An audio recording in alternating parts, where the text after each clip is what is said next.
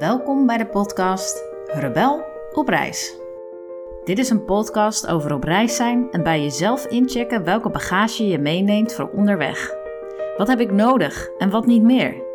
Ik ben Annelies Rebel, 37 jaar. Ik hou van mooie gesprekken en verwonder me enorm over welke verhalen mensen met zich meedragen. In deze podcast ga ik op zoek naar een lichter leven en check ik daarom wat er eigenlijk in mijn koffer zit. Wat koester ik en wat ben ik liever kwijt? Onderweg ga ik met allerlei mensen in gesprek die me hebben geïnspireerd om de inhoud van mijn koffer nog eens goed te bekijken. Ze schreven een mooi boek, gaven een training of namen bijzondere afslagen op een eigen reis. Wat een kind nodig heeft is niet constante correctie. Wat een kind nodig heeft is veiligheid en erkenning dat alles wat, er, alles wat hij voelt mag. Nog nooit schreef iemand een boek over opvoeding die vrijwel elk moment van de dag dat ik met mijn kinderen ben, met me meegaat. Ik heb het over Jan Geurts en zijn boek Het einde van de opvoeding. Jan Geurts is schrijver en leraar Tibetaans boeddhisme en schreef al enkele bestsellers, waaronder De Verslaving voorbij, Verslaafd en Liefde en Verslaafd aan Denken. In het einde van de opvoeding betoogt hij dat we moeten stoppen met het opvoeden van onze kinderen als het gaat om het inprenten van onze ideaalbeelden. Het is echt een andere en in die end lichtere manier van kijken naar je kinderen en je eigen rol hierin, die mij zeer geïnspireerd heeft. Maar hoe zit het dan met religieuze opvoeding? Daarover en meer in dit gesprek met Jan.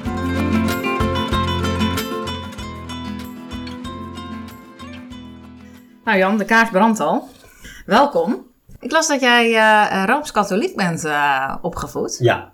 En uh, wat herinner je je nog van? voornamelijk ellende. Voornamelijk ellende? ja. ja. nee, dat was... ik, ben in, ik ben van 1950, dus zeg maar in die 50er jaren zat ik op de basisschool, wat toen de lagere school heette. En dat was een katholieke lagere school en daar uh, alle toeters en bellen zaten er toen nog aan. Dus dan had je de eerste communie op je zevende jaar. En dan op je twaalfde deed je het vormsel. Um, en natuurlijk moest je, in, op zondag, elke zondag moest je naar de mis, naar de kerk. Um, eerlijk gezegd, uh, ik heb er dus nooit ook maar, ook maar één moment soort van iets van gesnapt waar het dan waar het eigenlijk voor nodig was. Waar het überhaupt over ging. Het, was allemaal, het bleef ook allemaal heel erg ver van mijn bedshow. Dus mijn ouders waren kennelijk niet zo erg in staat om wat ze dan zelf aan bezieling hebben ervaren, om dat over te dragen. Dus het ging allemaal via, zeg maar, via de cultuur, via de. Er werd thuis ook niet zo heel veel over gezegd als alleen maar. Dus ook wel bidden voor het eten en na het eten. Ja. Dus ik neem aan dat je je kinderen zelf ook niet religieus nee, hebt opgevoed? Nee, totaal nee. niet. Nee, nee, nee. Waarschijnlijk vermoedelijk wel een klein beetje anti-religieus zelfs. Want ik Ja, was daar ja. toen nog volop. Zat ik nog in mijn verzet daartegen. Ja. Een eh, soort verontwaardiging. Een beetje dezelfde verontwaardiging ook, maar nog erger. Als eh, dat, dat je eh, een tijd lang ook werd verteld dat Sinterklaas echt bestaat. hè. Oh ja. Maar op welk moment dacht jij, ging jij echt in het verzet, zou maar zeggen, tegen je eigen eh, Rooms-Katholieke opvoeding? Is, is dat een bepaald moment geweest of zo? Dat je echt dacht, jeetje, wat, wat is mij nou wel, overkomen? ik denk dat dat is zo'n moment dat ik uit huis ging. En ik had ook een pittig generatieconflict met mijn, met mijn vader met name. En dat ging eigenlijk niet zozeer over die kerk, maar over eh, de lengte van mijn haar. Want in die tijd was net de jaren zestig, dus je liet je haar groeien. Ja. En, Ja. en de ouders, mijn vader had daar groot bezwaar tegen, want die associeerde dat nog met, zeg maar, met dan groeien op voor galg en rat. En hij wou gewoon mij die opleidingen doorjassen en zo snel mogelijk carrière laten maken en dat soort dingen. Maar fijn, na een Oh. half jaar of zo was ik op die opleiding al helemaal vastgelopen, want ik voerde gewoon geen ene flikker uit. Hmm. En toen heb, zei ik ook tegen hem van, ik wil jouw geld ook helemaal niet meer, dat is me veel te veel gedoe en ik krijg veel te weinig, ga wel werken. Ja. Nou ja, fijn, dit is allemaal weer een ander verhaal. Maar Ja, in ieder geval, ja. zo kwam ik dus uit de invloed van mijn ouders weg. Hey, en dan komt er volgens mij een hele periode van eh, wi- wild leven, kan ik het zo... ja, eh, eerst een paar jaar wild leven, ja. Als, als drummer in een bluesband in Ja. Den Haag. Wat toen echt een, de bluesstad van Nederland was. En ehm, ja, en toen eh, daar zeg maar een hoop gedoe met uh, seks, drugs. Rock'n'roll, ja. Toen kwam op een gegeven moment ging ik uh, in Zeeuws-Vlaanderen weer wonen, waar ik ook als kind gewoond had. In een huisje op het platteland, lekker een beetje tot rust komen, dat viel wel goed. En toen leerde ik mijn toenmalige echtgenoot kennen ook. Dus toen kwam er een, zeg maar, een brave zeg maar, vaderperiode, want zij had al twee kinderen en er kwamen er nog heel snel twee bij. Dus ik was heel snel was ik vader van vier kinderen. En ik had toen uh, een baan in het onderwijs die behoorlijk zwaar was. Langs alle kanten zat ik daar klem. Dus ik ben gewoon na, na een paar jaar ben ik gewoon afgebrand. Ja. En dat is eigenlijk de blessing in disguise geweest. En uh, toen kwam ik pas in aanraking met de spiritualiteit. Dat was in 1998. Hm. En um, toen heb ik in die eerste jaren uh, heb ik het boek De Verslaving voorbij geschreven. En, en daarna kwam het boek uh, Einde van de Opvoeding. Dus, hoe, kom je, hoe kom je dan van verslaving naar opvoeding? Heeft nou, het überhaupt was, iets met elkaar te ja, maken? Ja, zeker. Want dat was ik denk dus, het namelijk. Dat, ja, maar... dat liep erachteraan. Want toen, ja. toen kreeg ik dus best wel weer veel gesprekken met verslaafde mensen. Ja. En dan kom je er vrij gauw achter dat ten eerste al die verslavingen hebben met elkaar gemeen. Dat mensen zichzelf behoorlijk afwijzen. Oh, en dat is de link. Hoe hebben je dat geleerd, die afwijzingen? En dan krijg je allerlei, zie je allerlei relaties met, ja, moeilijke jeugd of soms niet eens zo'n hele moeilijke jeugd naar, zeg maar, normale, zeg maar, huidige begrippen. Maar wel gewoon ouders die het heel druk hadden, die weinig aandacht hadden. Of die heel ambitieus waren met hun kinderen. Dus hun kinderen heel erg, zeg maar, opgejut hebben tot het geleveren van prestaties en en afijn, al die dingen, je kon dat gewoon terugvinden. En ik kon het uiteraard in mijn eigen jeugd kon ik dat ook terugvinden. Uh, van uh, hoe dat precies uh, ontstaan is. En zo is dus dat boek Einde van de Opvoeding. Daar zeggen we, oh wacht even, dus ouders willen graag het allerbeste met hun kinderen. En ik had toen, ook mijn eigen kinderen waren toen al uithuizig toen ik dat boek schreef. Dus mm -hmm. ik keek ook een beetje terug naar hoe is dat bij mij gegaan. En ik zag dus allemaal mijn eigen neuroses die als het ware in de omgang met die kinderen weer terugkwamen, maar dan met zeg maar, de beste bedoelingen van nee, ik ga het beter doen dan mijn ouders met mij. Uh, ja, een van de voorbeelden bijvoorbeeld, mijn vader was gewoon heel dominant, was echt gewoon de baas in huis, dus die kikte, hoefde maar te kikken en je vloog voor hem ja. en je was bang voor hem. Nu, ik met mijn kinderen, ik vond mijn kinderen mogen nooit bang voor mij zijn. Ja. Dus ik was helemaal vriendelijk en was altijd bereid om te luisteren. En ik zou dus nooit tegen hun kinderen zeggen, als ze zeggen waarom moet dat? Omdat ik het zeg. Dat was voor mij verboden terrein.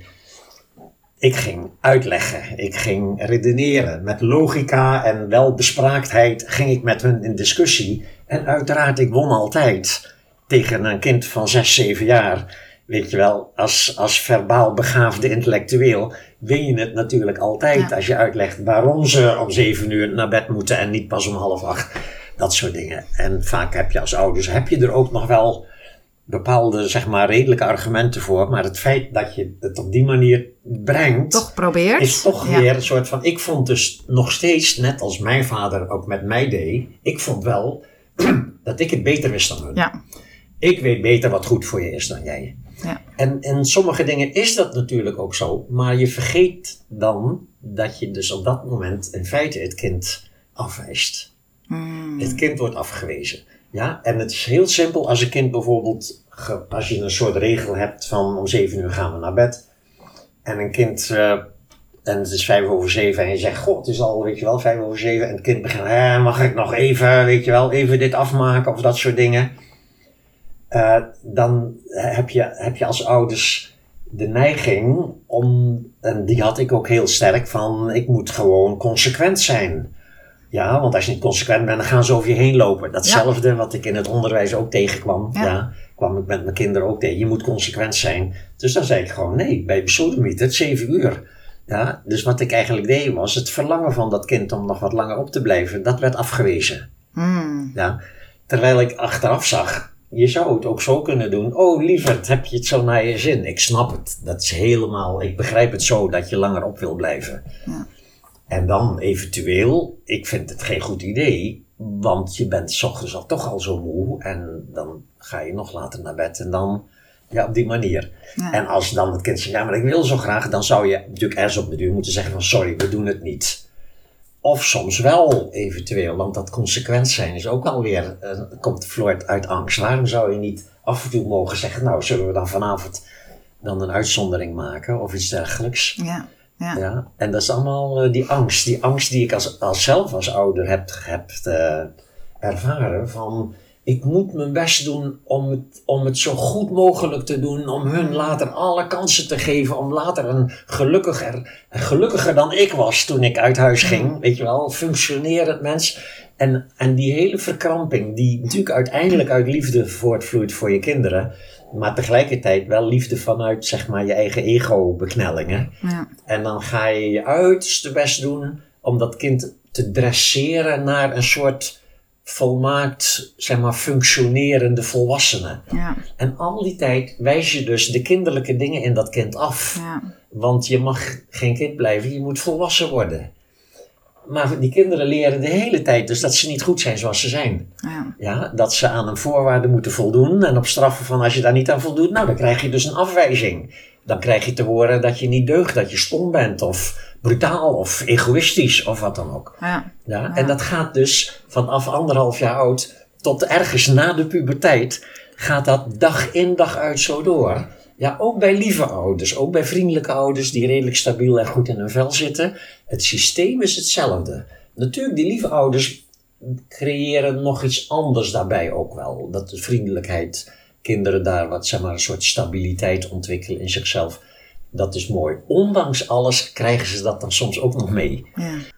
En Maar je, je hebt ook nog wel een ander pad geschetst hè, in je boek. Dus je zegt eigenlijk dat dat, dat, dat afwijzen van het verlangen van het kind... of het, het proppen van jouw ideaalbeeld in een kind... laten we daar dan mee stoppen. ja. Want dat is eigenlijk wat jij... Ja, ik zeg de- eigenlijk de- dat met- stoppen met opvoeden, maar ik definieer opvoeden dan naast zorgen voor. Ja, Ja, klopt, dus je ja, hebt ja. natuurlijk als ouder heb je een zorgplicht voor je kinderen. En, en, je hebt, en, en, en dat opvoeden is iets anders. Het opvoeden heb ik dan gedefinieerd als alles wat je doet met je kinderen om in hun latere belang, in hun toekomstige belang. Omdat je meent dat ze bepaalde dingen moeten afleren en bepaalde dingen moeten aanleren om later goed functionerende burgers te worden. Ja, dat is eigenlijk de definitie van opvoeden. Zorg ervoor is dat je een veilige omgeving creëert waarin je zeg maar, aan de behoeften van het kind voldoet, zoveel mogelijk. Niet alleen de behoefte aan eten en voeding, maar ook de behoefte aan zich ontwikkelen. En de afbakening zit er natuurlijk in dat het kind ook moet leren waar zijn eigen ontwikkeling botst met die van anderen en met de samenleving. Ja. Dus dat doet soms ook pijn voor dat kind en dat mag je een kind niet onthouden. Maar het verschil zit er precies in of je nou het kind en zijn gevoelens afwijst of dat je alleen maar zegt nee, je gevoelens mogen er helemaal zijn. Ik snap dat jij geen spruitjes lust. Dat is helemaal oké. ja, maar ik wil niet dat je ze tegen de muur aangooit. Uit boosheid. Ja, als een kind eh, zeg maar boos is over dat bord met spruitjes en gooit tegen de muur. Dan kan je zelfs zeggen, wat goed dat je je boosheid zo goed kunt uiten. Maar wil je dat in het vervolg niet meer op deze manier doen? Dan moet ik al die spruitjes gaan oprapen en vieze plek op de muur en zo. Dat is helemaal niet handig. Nee. Ja, dus het, de emotie erkennen, het Ja. kind erkennen en meteen een grens aangeven ook. Ja. Ja, en eventueel met alle, soms, eh, soms zijn kinderen zo over hun toeren. En dan moet je ook, moet je bijvoorbeeld zeggen van dit werkt helemaal niet. Ik eh, kom helemaal niet meer in contact met je nu. Ja, ik snap dat je helemaal over je toeren bent. Dat is oké. Maar ga dan nu even naar je kamer en dan praten we over een uurtje of zo verder. Dus time out en eventueel. Ja, maar dat is heel iets anders als. En dan naar je kamer, verdomme! Ja, ja, ja, Ja. Dat is echt uit straf. Ja, dan is Ja, het straf voor ja. wat het kind was op dat moment. Ja. Het kind zelf wordt afgewezen. Zijn egocentrisme, zijn onaangepastheid. Terwijl kinderen egocentrisch moeten kunnen zijn. Dat moeten ze kunnen uitleven. Ze zijn immers in het stadium dat ze een ego aan het ontwikkelen zijn. En een ego is per definitie egocentrisch. En je kan kinderen niet, je kan niet afleren of voorkomen dat ze een ego aanleren. Dat is, zeg maar, als ouders dat zouden proberen, dan leren kinderen een heel verkrampt ego aan. Ja. Want we moeten allemaal eerst een zelfbeeld ontwikkelen voordat je eventueel als volwassene misschien in aanraking komt met spiritualiteit en dan kunt herkennen dat jouw aangeleerde zelfbeeld niet is wie je werkelijk bent. Ja. Maar ook dat kan alleen maar via dat aangeleerde zelfbeeld. Ja. Ja, die enkele gevallen die bekend zijn van kinderen die geen ego ontwikkelden, dat waren kinderen die opgroeiden zonder menselijke interactie. Ja, gewoon bij de dieren bij bijvoorbeeld. dieren opgegroeid of bij een heel erg in een isolement met een moeder die alleen maar eten gaf, maar niet praten. Ego is gewoon domweg alles wat je hebt meegemaakt in je leven. Dat sla je op Ja. Als een soort zelfbeeld, als een soort wie je denkt dat je bent. Ja, en dan kun je geleidelijk aan kun je ontdekken dat daarachter nog iets veel mooiers en diepers zit. Dat wat sommige mensen dan eventueel de ziel noemen. En wat in het boeddhisme de Boeddha-natuur wordt genoemd. En in Advaita wordt dat de non-duale staat genoemd. En dat is echt heel prachtig als je daarmee in contact kunt komen. Want dan kun je dus en zien dat dat ego niet is wie je werkelijk bent. Maar tegelijkertijd wat je wel werkelijk bent Mhm. is iets, zeg maar, buitengewoon moois en zuivers en liefdevols. Iets wat je zelfs eventueel goddelijk zou mogen noemen. Mhm. Met alle voorzichtigheid die ik daarbij heb vanuit mijn religieuze Ja, ja, ja. opvoeding. Ja. Maar zou je dit, dit hè, herinneren wie je werkelijk bent of zien wie je werkelijk bent, kun je daar kinderen al in meenemen? Nee, ik denk het niet. Ik denk zelfs dat het, eh, dat, dat heel averechts zou werken. Want het, hoe werkt dat? Hoe leer je zien wie je werkelijk bent?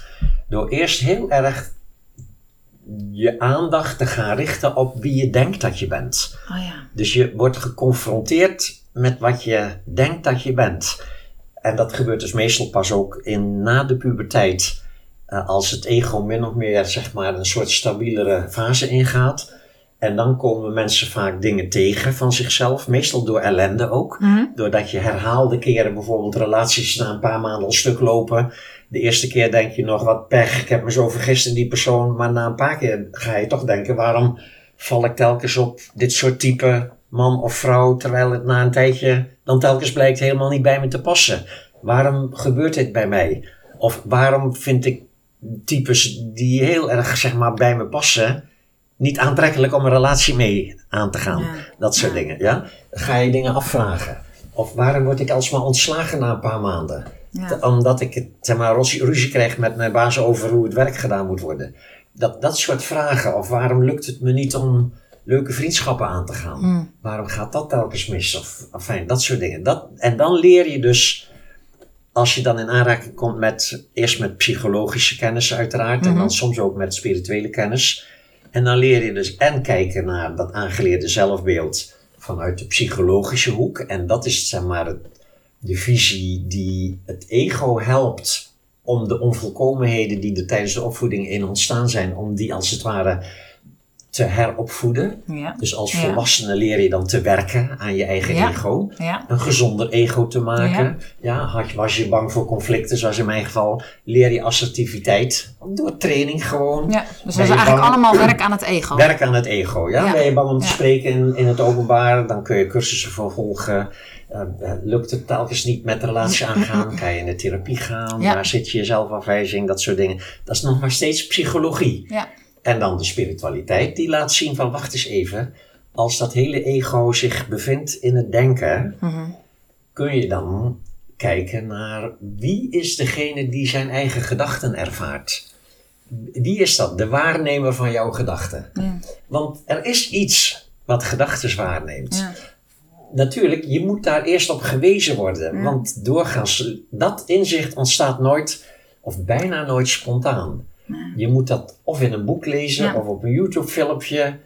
Iets moet dat, en ineens krijg je zo'n gevoel even van, ja shit, er is nog iets. Ja. Er is nog iets in mij dat wat gedachten waarneemt, dat wat gevoelens ervaart, dat wat zeg maar beseft dat hij in een kamer zit, in een huis op de Veluwe, dat soort dingen. Er is iets wat dat gewaar is. Dat, nou, daar kom je mee in aanraking en dan, sommige mensen dan raken dan meteen daardoor vervuld en die gaan dan spirituele beoefening doen, Ja. studeren en beoefenen. Dat is eigenlijk het pad.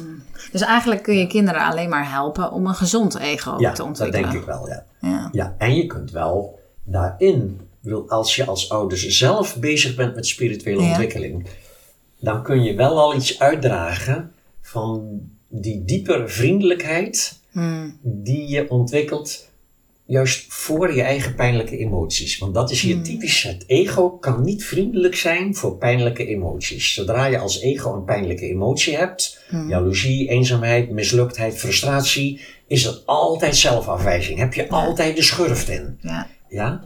En, en vanuit die spirituele visie kun je bijvoorbeeld eenzaamheid of jaloezie, of als ouders bijvoorbeeld frustratie, hoe vaak heb je dat als ouders niet, frustratie voelen. En dan als je dat al hebt ontwikkeld in je eigen spirituele beoefening, dat je dan ziet, oh wat heb ik weer een sterker frustratiegevoel, dat is oké, dat mag je voelen, dat hoort er helemaal bij. Zeker als ouder maak je gewoon af en toe mee dat je het gewoon even niet meer hebt met die kinderen. En dat je achter het behang wil plakken en dat hoort er helemaal bij. En je mag dat voelen en dan, eh, dat lucht natuurlijk enorm op.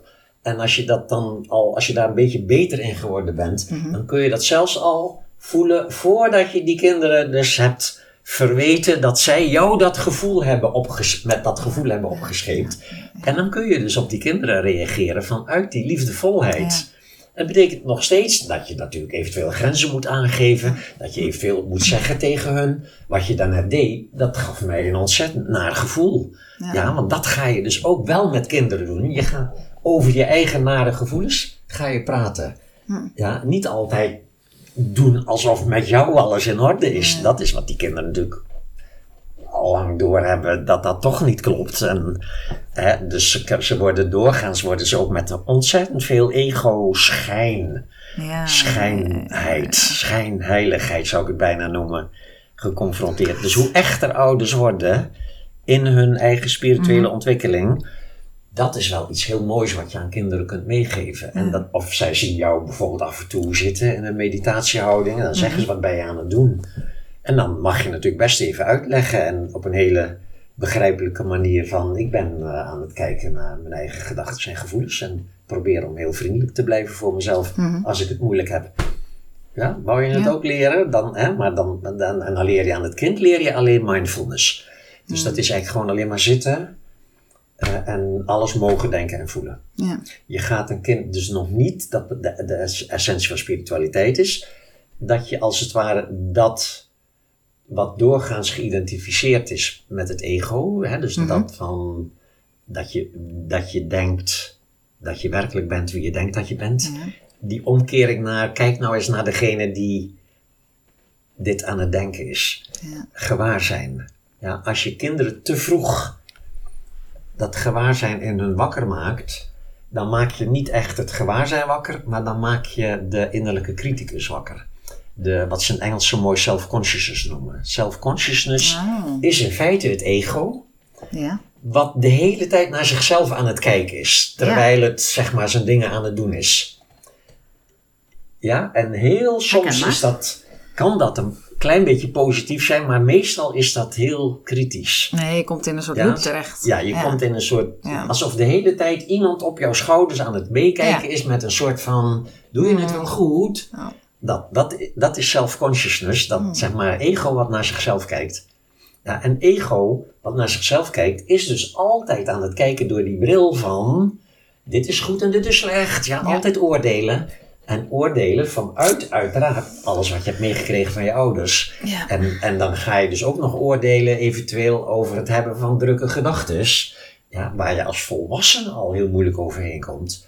Ja, laat staan dat kinderen dan zichzelf gaan afwijzen over het feit dat ze toch de hele dag gewoon wel weer lopen te denken. Dus eigenlijk doe je niet heel veel met spiritualiteit. In, in, jouw zin van het woord. Ja, is kinderen, ook- behalve het zelf te beoefenen. Ja, het zelf beoefenen, ja, Ja. Het, het voorbeeld zijn, maar Ja. dan gewoon omdat dat voor jezelf zo waardevol is. Ja. Dus ook nog niet eens proberen om een soort spiritueel correcte ouder te zijn om hun het goede voorbeeld te geven.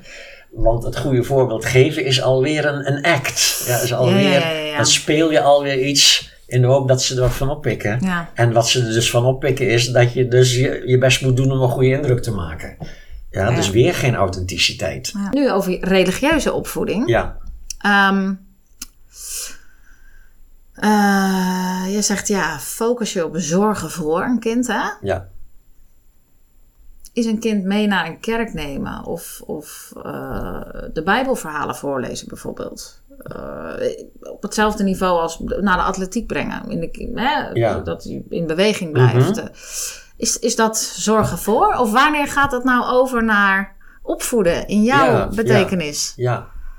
Kijk, Het is- ik denk eh, als je zelf in die cultuur bent opgegroeid, dan is het op zich natuurlijk helemaal niks op tegen dat die kinderen ook in diezelfde cultuur. Ik bedoel, dat is op zich, de cultuur is een onderdeel van Ja. de opvoeding. En je moet die kinderen niet in een soort isolementje opvoeden. Ze moeten gewoon in aanraking komen met de omgeving. En dat is dan, als ze klein zijn, is dat in feite jouw omgeving. Ja. Dus als Ja. jij, als jij daarheen gaat en in die omgeving, dan zou je op zich, op zich van dat ze daar dan ook in aanraking mee komen, is dan vrij normaal. Soort van waar ga jij elke zondag heen dan? Vraag je de kinderen aan jou en als jij dan zoiets van.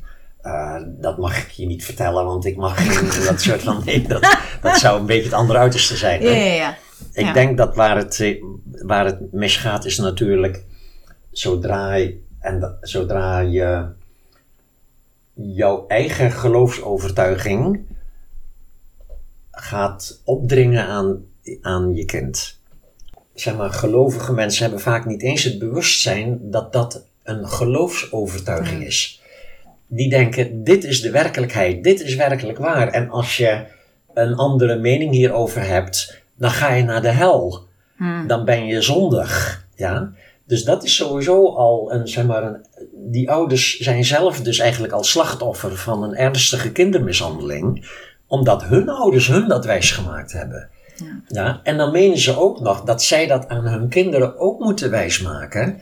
Op straffen van dat anders niet alleen die kinderen in de hel komen, maar zij zelf alsnog Hm. in de hel komen omdat ze hun kinderen zondig opvoeden of iets dergelijks. Nu, dus, dus die, dit is echt heel, zo pijnlijk als je ziet. Je zou kunnen zeggen, dit is de erfzonde. Ja. Dit is door, door ouders afgewezen kinderen. En welke vorm die afwijzing ook had. Want natuurlijk, niet-religieuze ouders wijzen ook heel vaak hun kinderen af. Ja? En de religieuze ouders wijzen soms hun kinderen niet af. Maar als ze hun kinderen wijsmaken dat God echt bestaat en dat als je niet gehoorzaam bent, dat je dan in de hel komt, dat is afwijzing. Ja, dan wijs je dus kinderen en mensen in het algemeen wijs je Ja, eigenlijk ja, af. ja. Mensen zijn slecht en ze moeten doen wat God vindt. Maar heel veel mensen van mijn generatie die zullen dat niet letterlijk zeggen. Nee. Zo van als je niet naar God luistert, dan ga je naar de hel. Ik, ik, ik, ik heb nog Nee, niet iemand is- gesproken die nee, dat dat is komt natuurlijk van. Ik heb natuurlijk ik, ik heb een ander beeld vanuit de jaren 50 uiteraard, toen dat nog veel meer leefde. Dat is erg veranderd. Maar toch ook wel. Het gaat om dingen vertellen, op dit gebied dingen vertellen. Met een soort, eigenlijk hetzelfde met Sinterklaas bestaat echt. Ik vind dat je dat, bedoel, je mag best tegen kinderen zeggen: Dit is een traditie, wij vieren dat feest van Sinterklaas. En dan laat je het een beetje vaag. Ja, ja. Van, weet je wel, dan ga je niet heel uit, dat ga je ook niet, net als op het, op het jeugdkinderjournaal gebeurt, ook met een soort speelsheid wordt daar een beetje omheen gebabbeld. En zo, en dan heb je ook niet dat kinderen op een gegeven moment dat wel doorkrijgen. En dat ze zich dan zwaar belazerd voelen en in de steek gelaten. Want het probleem is hier dus eigenlijk dat je aan kinderen zou overbrengen dat dit de enige echte werkelijkheid Juist. is. En dat zij Ja. een probleem hebben als zij een ander pad gaan volgen. Juist, ja, precies, ja. Ja. Ja. Maar dan zijn er heel veel kerken die, jij zegt, nou ja, je gaat naar de kerk en eventueel kunnen die kinderen wel mee als ze dat, hè, Ja. als ze dat leuk vinden of als ze dat willen een keertje bekijken. Ja. Maar heel veel kerken werken natuurlijk aan allerlei kinderprogramma's.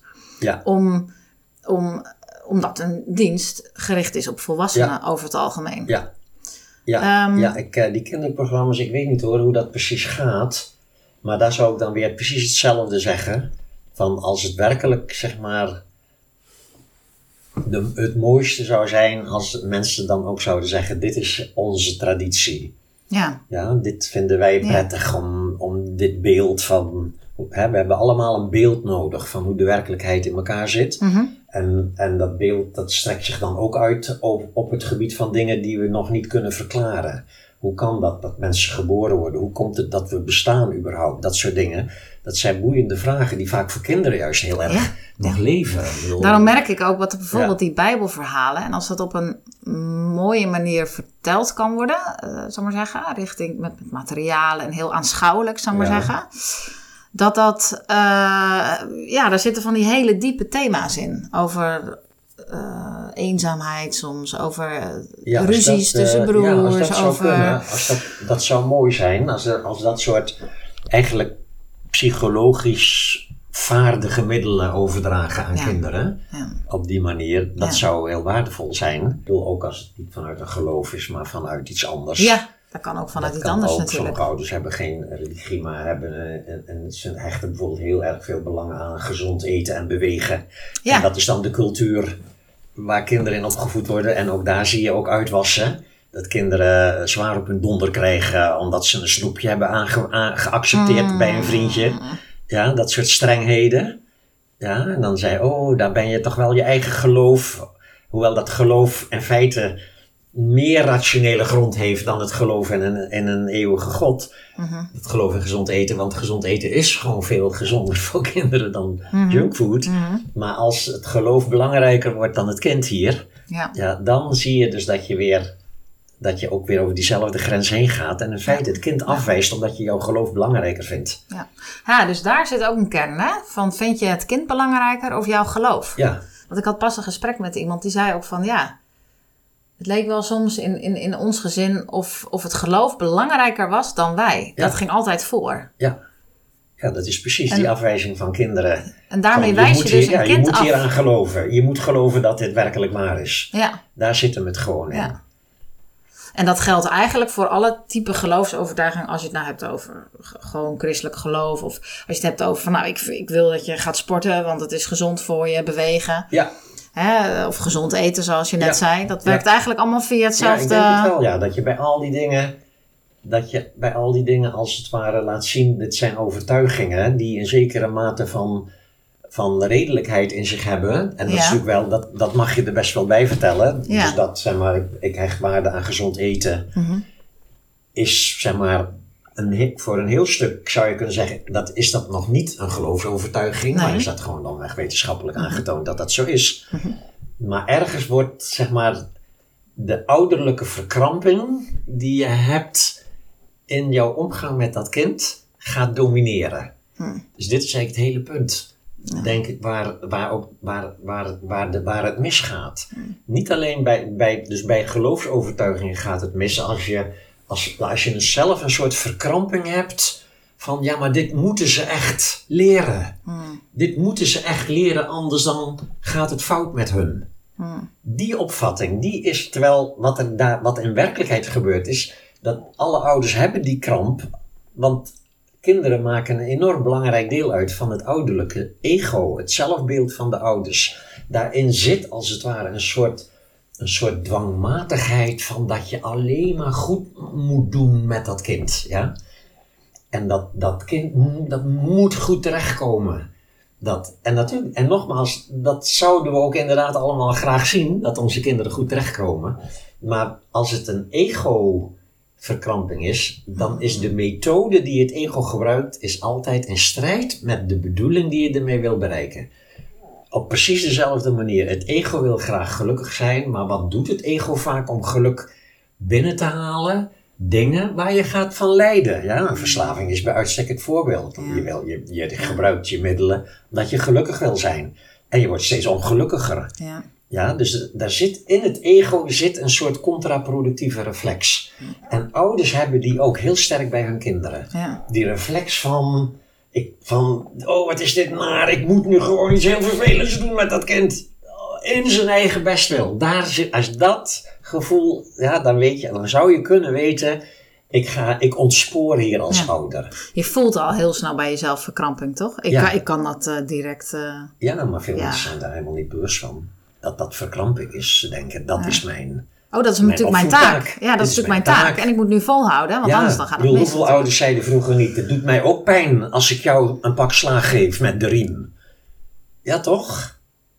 En, dat, en ja, dat was vroeger dan heel normaal, dat je je kind, eh, punt, hè, wat weet het nou, kastijden. Ja, Ja, dat in het hele oude traditionele Ja. gereformeerde geloof was Ja. dat nog aanvaard. ja.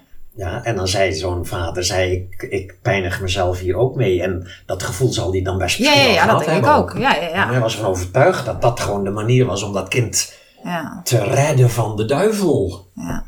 Ja, dus dat is weer een heel extreem voorbeeld, maar het mechanisme Is eigenlijk hetzelfde. is hetzelfde. Het zit nog steeds in elke ouder, hoe modern en ruimdenkend. maar waar willen we bent. onze kinderen dan van redden? Want nu hebben we niet meer de duivel. Van, wij willen de kinderen redden van het lijden. Van We hebben rijden. zelf hebben we in onze Ja. opvoeding hebben we, hebben we geleden. Bijna alle kinderen lijden. Ook bij de lieve ouders. Bij de totaal normaal functionerende, Ja. fatsoenlijke ouders. Kinderen lijden altijd. Dat is gewoon dat hele ontstaansproces van dat ego. Is een soort van leidersweg. Ja, het heet niet voor Het is niks. dus eigenlijk ook Samsara. gewoon de bedoeling. Het is ook Ja, het de hoort bedoeling. erbij. Ja, Ja, het, hoort erbij. het hoort erbij. Ja, dus hoe kun je nou, zeg maar, het lijden van je kinderen niet meer proberen te voorkomen, Mhm. maar hoe kun je ze helpen om dat te leren benutten voor het ontwikkelen van een gezond ego en dat spirituele deel, dat komt wel als ze volwassen zijn. Ja. Dat is sowieso hun eigen verantwoordelijkheid. Jij bent alleen verantwoordelijk voor je eigen spirituele ontwikkeling.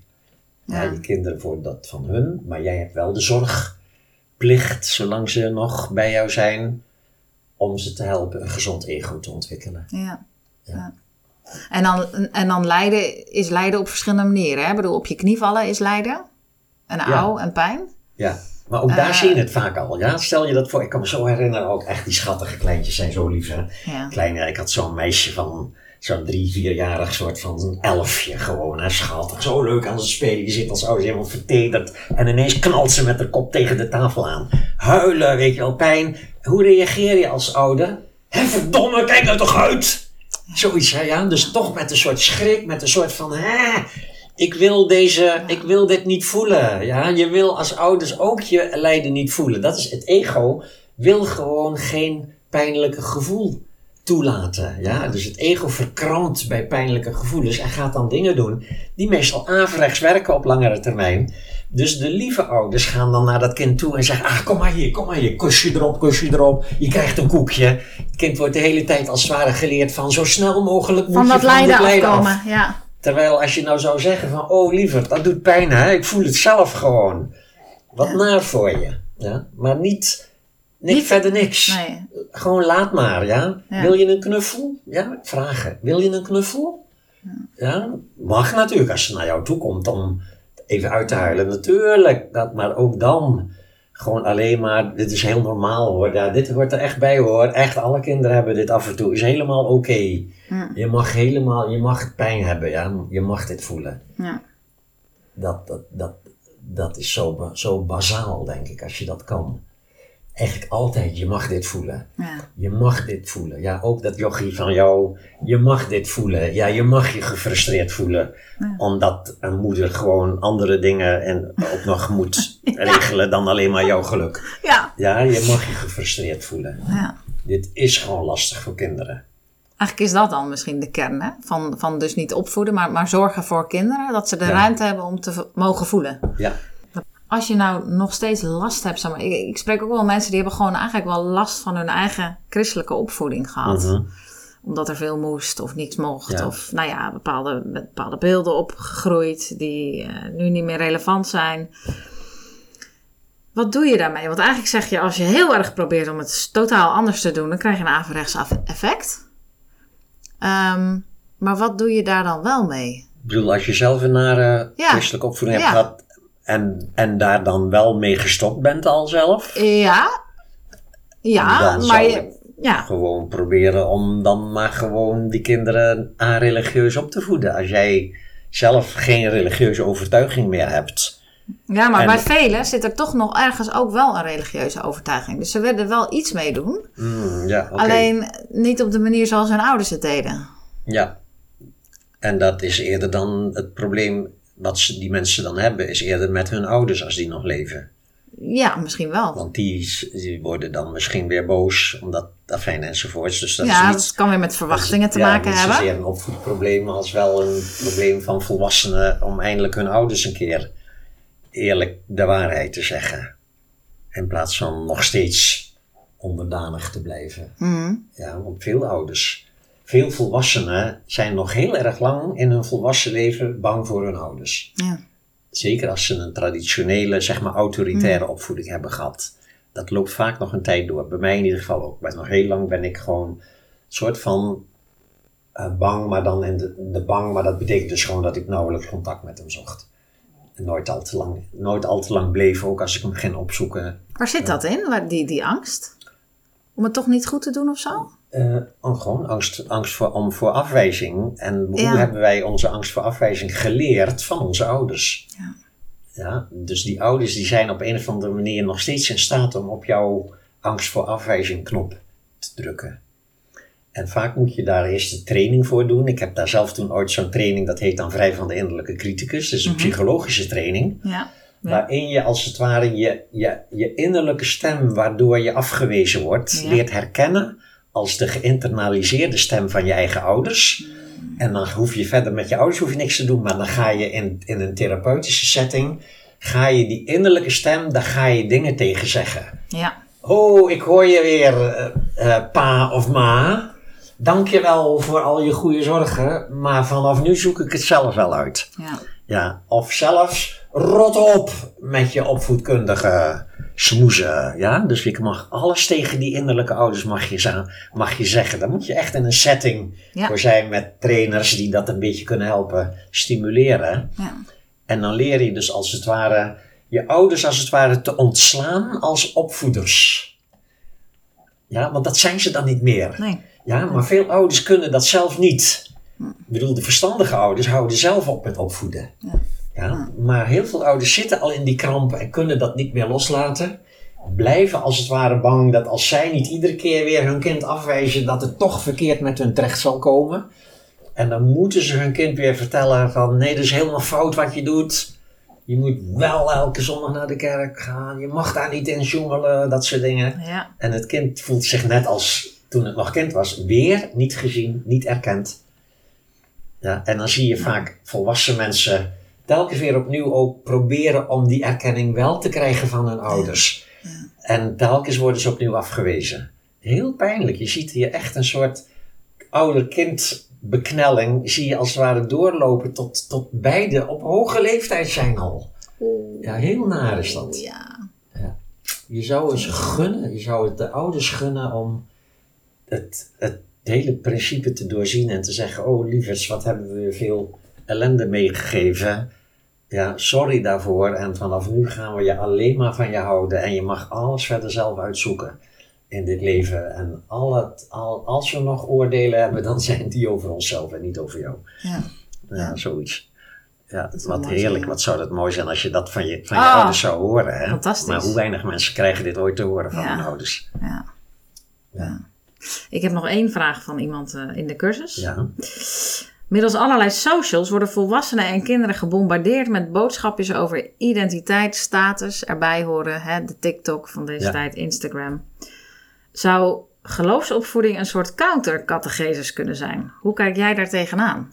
Nou ja, als, als de geloofsopvoeding niet, niet wat doorgaans een geloofsopvoeding is, een traditionele geloofsopvoeding, is heel erg een identiteitsopvoeding. Je wil dat dat kind een identiteit ontwikkelt van diezelfde geloof, diezelfde geloofsidentiteit. Ja. ja dus een, een geloofsovertuiging overdragen op kinderen is altijd een, een identiteitsontwikkeling. Mm ja. Maar die kinderen moeten een identiteit ontwikkelen. Ja, ze dat moeten is een identiteit ontwikkelen. Ja. Alleen wat je tegenwoordig natuurlijk ziet is dat niet alleen bij kinderen, maar juist bij volwassenen ook, er een soort zeg maar, ontwikkeling is dat mensen steeds meer zich gaan vastklampen aan identiteiten. In plaats van dat ze hem gaan loslaten. Ik denk dat dit gewoon een tijdsverschijnsel is. Ik denk dat het niet veel anders is dan vroeger. En dat is dus ook wat, zeg maar, wat een identiteit wil. Je wil ook altijd ergens bij horen, gelijkgestemden. Ja. En nogmaals, dat is allemaal niet verkeerd. Mm, en, en ook een religieuze identiteit hoeft helemaal niet extra schadelijk te zijn als dat een identiteit is die als het ware ruimte geeft om gelukkig te mogen zijn, om dingen te mogen voelen. Ja, om, als het een identiteit is die niet te veel vermengd is met oordelen, met veroordelingen. Want oordelen is een probleem omdat het over afwijzing gaat uiteindelijk? Ja, oordelen hier en dan oordelen in de denigrerende betekenis ja, ja, ja, over. Ja, ja, ja, niet, Want ja. in het Engels heb je zo mooi, je hebt judgment en je hebt discernment. Dus natuurlijk, je mag onderscheid maken tussen uh, gedrag van anderen wat zeg maar, bijdraagt aan geluk en gedrag wat bijdraagt aan ellende. Mhm. Dat mag je onderscheiden. Maar als je dan vervolgens de persoon afwijst, denigrerend, in de betekenis van dat is een lul, dat is een klootzak, of dat is een, een, uh, een zondaar Mhm. of zoiets. Daar zit hem, zeg maar, het, waar het ego als het ware lijden produceert. Ja. het ego heeft gewoon die ingebakken neiging om te veroordelen. Ja. Naar anderen toe, naar jezelf toe. Ja. Ja. Dus je kan je kinderen wel meenemen in het. Hè, ze, ze, ze bouwen een identiteit op, zou ik maar zeggen. Dat, dat, dat, Mhm. nou, daar kun je ze in stimuleren of wat. Maar als dat te. Als dat is van andere identiteiten zijn niet goed en deze wel, zou ik maar zeggen. Ja. Of eh, je mag niet eh, ja, daarbinnen bewegen of wat dan Ja. ook. Dan gaat het eigenlijk over een, over gaat- een soort dan- grens ja, heen. dan- en, en nogmaals, ook als ouders dat niet doen, zullen kinderen een ego ontwikkelen. Met diezelfde neiging om zichzelf af te wijzen als het fout gaat, om anderen af te wijzen die Ah. iets, iets ongemakkelijks doen. Maar het maakt wel wat uit of je dat ook nog eens een keer erin gehamerd hebt gekregen van jongs af aan. Mm, Of dat je ouders juist hebt gehad die dat een klein beetje juist afremmen. Ja, als een kind aan tafel begint met die schoolmeester huppel de pup, dat is zo'n lul. En als ouders dan zeggen, niet alleen dat woord wil ik niet horen, maar als ouders dan zeggen van, nou zullen we niet al te negatief oordelen over mensen, vertel dan eens gewoon welke dingen van je vind je onprettig. ja. Ja, dus wel luisteren van waarom. Ja, ja, Ja, Ja. Wat, wat vind je onprettig? Hij doet altijd dit, hij doet altijd dat. Oké, dat snap ik. Maar zullen we dan niet te veel de persoon zelf onderuit halen? Dat zou wel mooi zijn als je dat al een beetje kon meegeven. Hè? Maar tegelijkertijd is het niet door het kind af te wijzen als het begint met: wat is het toch een lul? Ja, dan zei oh, oh, ik zie dat je behoorlijk op je teen getrapt bent door die schoolmeester. Vertel eens. ja, Ja, en dan eventueel zie je dat er verschil is tussen Ja, wat is zijn gedrag ja. en wat maak je van hem hier. Ja, precies, ja. Je kan zoveel meer moois doen met kinderen, maar pas als je het bij jezelf hebt ontdekt en ontwikkeld. Goed, wat is het? eh, we gaan hoopvol afsluiten. Welk perspectief? Oké, als ouders naar dit hele interview hebben geluisterd, welk perspectief hebben we dan? Wat, wat, wat? Perspectief naar je ouders met nog jonge kinderen, die kunnen van hun hele zeg maar, situatie kunnen ze iets heel moois maken. Ja, Want ik hoor wel vaker van mensen die dan zijn eenmaal dat boek gelezen, ja, Ja. einde van de opvoeding, en dat een beetje onderzocht ook bij mezelf. ja, En eenmaal die houding, die, kijk, die verkrampte houding van ouders van ik moet me aan deze regels houden omdat anders dat kind gaat mislukken later.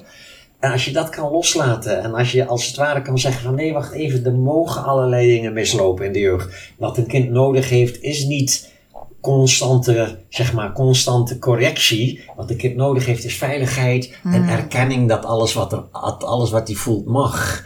het wordt Ja. er eigenlijk veel lichter door, toch? Ja, dat, en, ja, en dat, leuker. en dat zeggen en, ouders eh, inderdaad, zeggen vaak ouders van Ja. sinds we dat boek van het is zoveel leuker geworden in huis, zoveel ontspannender. nou, Dat hè, dus dat is echt, dus ik kan het van harte aanbevelen. ja, Nou ja, en als je, je kinderen al groot zijn, dan kan je als, alsnog achteraf kun je ze nog erkenning geven voor al die nare dingen die je dan eventueel achteraf ziet die je gedaan hebt. En dan niet achteraf jezelf erover afwijzen. Dat hè, gewoon herkennen van zo was ik toen. ja. Ja, en dat heb, Ja. ik, met ze, heb ik ze kennelijk dan weer meegegeven. Hey, en mensen kunnen jouw boek lezen natuurlijk, het einde Mhm. van de opvoeding, maar je hebt ook een online cursus. Ja, een online hierover. cursus. Daar staat de hele theorie staat op video. Kan je gewoon in je eigen tijd doorwerken. En dan geef ik eens in de maand ongeveer op Zoom Ja, een live sessie. Ja. En dan zitten altijd een groepje ouders eh, zitten daarbij. En die komen dan met hun verhalen. ja, En dan babbelen we erover. Is altijd ook ontzettend gezellig. En ik voel me dan altijd heel bevoorrecht, want ik ben dan de soort van de beste stuurlui die aan wal staat. Ja, van, inderdaad, oh jongens, ja. jullie zitten er middenin. Ja. Ik heb dit allemaal Inderdaad. godzijdank achter de rug. ja. En nou mag ik jullie vertellen hoe je eventueel wat minder beknelling kan ervaren als ouders. En wat meer plezier kan creëren in je gezin. Wat heerlijk, wat heb ik een leuk werk. ja. Ja, En die kunnen ze gewoon vinden op je website, hè? jangeurts.nl? Ja. Is dat? Ja. Oké, nou. Dan sluiten we daarmee af. Dankjewel. Jan. Jij dat heel bedankt inspirerend. Voor het ja. afsnijden van dit onderwerp. Leuk dat je luisterde. Wil je ook mee op reis? Ga dan naar anneliesrebel.nl, check alle andere afleveringen en doe vooral nog meer inspiratie op op de Facebookpagina Rebel op reis.